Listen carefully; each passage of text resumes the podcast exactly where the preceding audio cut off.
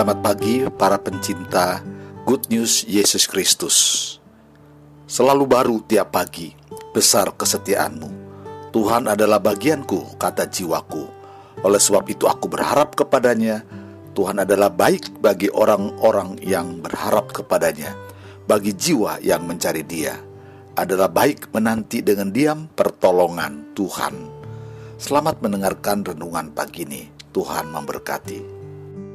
Halo, shalom, tidak pernah bosan. Kita selalu ingin mendengarkan podcast kita Saudara mungkin sudah rindu-rindu mendengarkan ah, radio podcast kita sudah dengar part 1, part 2, apa ya part 3-nya? Rasanya saudara tidak pernah mau berhenti, mau tahu, mau tahu ya apa yang akan saudara dengar. Apalagi dalam part akhirnya atau part keempatnya, saudara-saudara yang kasih dalam Tuhan. Kita masih membahas tentang kecemasan, bagaimana pengendalian diri kita, hati kita pada waktu di saat kita menghadapi yang namanya kecemasan. Saudara-saudara, kedekatan kita dengan Tuhan, hasil dari ibadah saudara kepada Tuhan apa?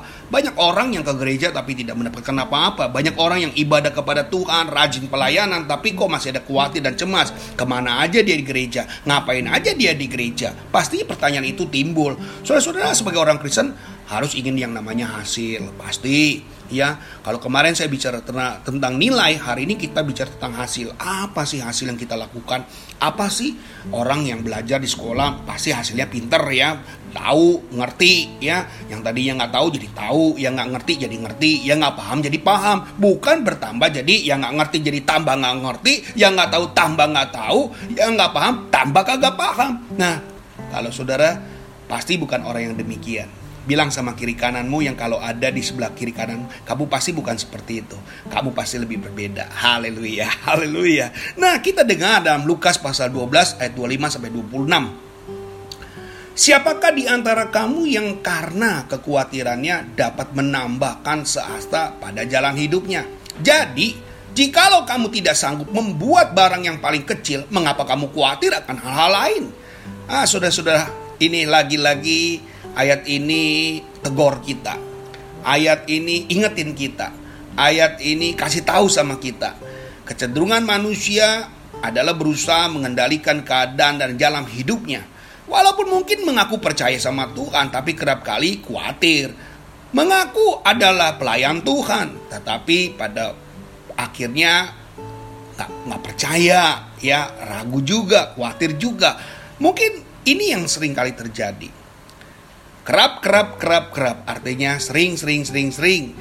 Hasil, ya, nggak terjadi pada saat waktu udah praktek. Kalau saudara dikasih tugas lalu hasilnya tidak memuaskan, pasti saudara kecewa.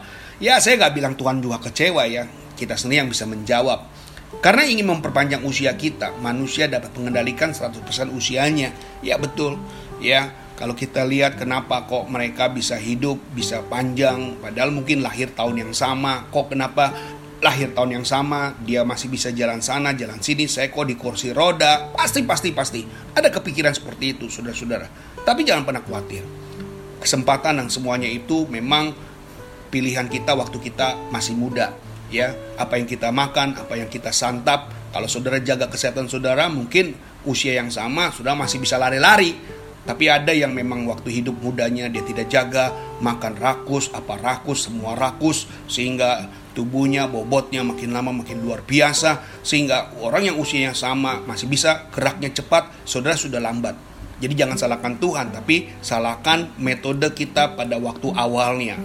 Lagi-lagi ya saya bilang ya, kita salah menggunakan metode awalnya. Jadi metode awal menentukan hasil akhir. Haleluya. Nah, Yesus memakai ukuran hasta. Hasta ini ukurannya cuma 45,7 cm ya. Dari siku kita saja, dari tangan kita ini itu itu ya cuma lengan tangan kita ini Saudara. Satuan ukuran panjang yang terkecil di masa Yesus. Bila yang terkecil saja kita nggak mampu ya ya kita nggak mampu contohnya anak kita jatuh satu meter di depan kita atau sehasta di depan kita kita nggak bisa nangkap loh saudara kita hanya bisa nangkap dia kalau kita betul-betul dekat sama dia.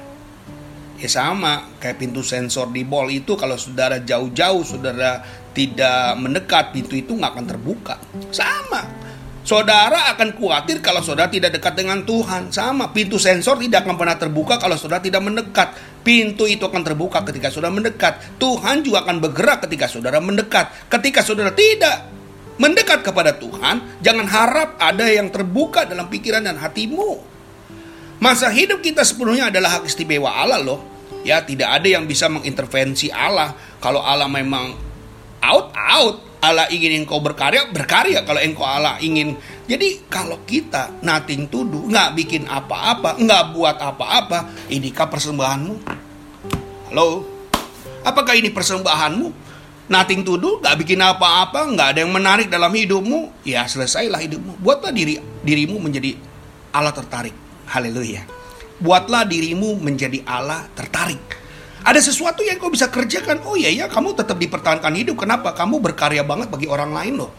Ya walaupun nggak belum benar-benar banget hidupmu, tetapi ada banyak hal yang baik yang kau bisa lakukan kepada orang lain. Ada banyak hal lain yang kau bisa lakukan buat untuk banyak orang. Tapi kalau kita nggak mau bikin apa-apa, kita malas, kita hanya mau menunggu, menanti. Wah, kalau Tuhan bikin bikin engkau check out ya gampang banget. Kenapa? Nggak ada gunanya, saudara. Buat apa? Maka oleh karena itu kalau hidup mau berguna, berartilah hidupmu. Kalau engkau mau hidup berguna, berbuatlah sesuatu. Supaya apa? Supaya ya dari hidupmu banyak orang diberkati. Dari hidupmu banyak sesuatu yang dihasilkan. Nah sama dengan kehidupan kita. Ini hak prerogatifnya Allah. Hak prerogatifnya Allah, kamu nggak bisa mengintervensi. Kita boleh menjaga disiplin hidup, kesehatan untuk tetap jaga, kuat, makan obat, makannya juga teratur, hidup sehat. Tapi lihat, itu semua tentukan oleh Allah loh saudara. Itu semua ditentukan oleh Allah. Maka buatlah hidupmu berarti. Kalau hidupmu nggak bikin apa-apa, cuma makan, tidur, besok pergi ke gereja, lalu makan, tidur terus. Saudara-saudara yang kasih dalam Tuhan, mari berbuat untuk Allah. 2022 apa talenta yang ada dalam dirimu? Ya, lakukan. Gereja butuh apa? Gereja perlu apa?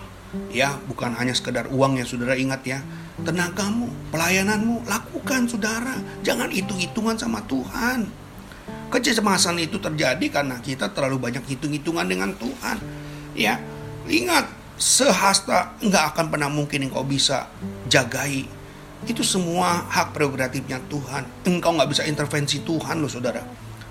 Dalam seumur hidup kita, ya biarlah Allah memberikan segala sesuatunya Uh, kalau kita baca dalam kitab uh, Ayub ya kalau nggak salah. Ayub pasal 1 bentar. Ayub pasal 1 ayat 21b bilang begini. Tuhan yang memberi, Tuhan yang mengambil. Terpujilah nama Tuhan. Ini hak istimewa loh, Saudara. Ya. Catat baik-baik Ayub 1 ayat 21 yang B saja. Tuhan yang memberi, Tuhan yang mengambil. Terpujilah nama Tuhan. Jadi kita hidup taat kepada firman-Nya, itu akan menopang hidup kita loh, Saudara hingga pada kesudahannya. Jadi taatlah kepada firman-Nya, lakukanlah firman-Nya dengan sungguh. Mari merespon hak istimewa Allah untuk menerima hak istimewa itu kita harus menjadi anak-anaknya hidup dalam rencana agungnya hidup dalam kerajaannya hidup dalam kesungguhannya menggunakan waktu dengan maksimal bahkan optimal ya bukan minimal tapi maksimal amin Amin. Nah ini yang sudah lakukan. Lakukan rencana agung Tuhan untuk menggunakan dirimu menjadi optimal. Maksimal. Ya, bukan yang setengah, bukan yang ragu, bukan yang sedikit, bukan juga yang sisa. Ayo kita bangun saat ini, berikan yang terbaik dirimu, lepaskan kecemasan karena engkau nggak pernah berikan waktumu kepada Tuhan, engkau cuma berikan waktumu untuk masalahmu. Lepaskan masalahmu, Bergantunglah dengan Tuhan, maka Dia akan turun tangan untuk membebaskan masalah dan persoalanmu.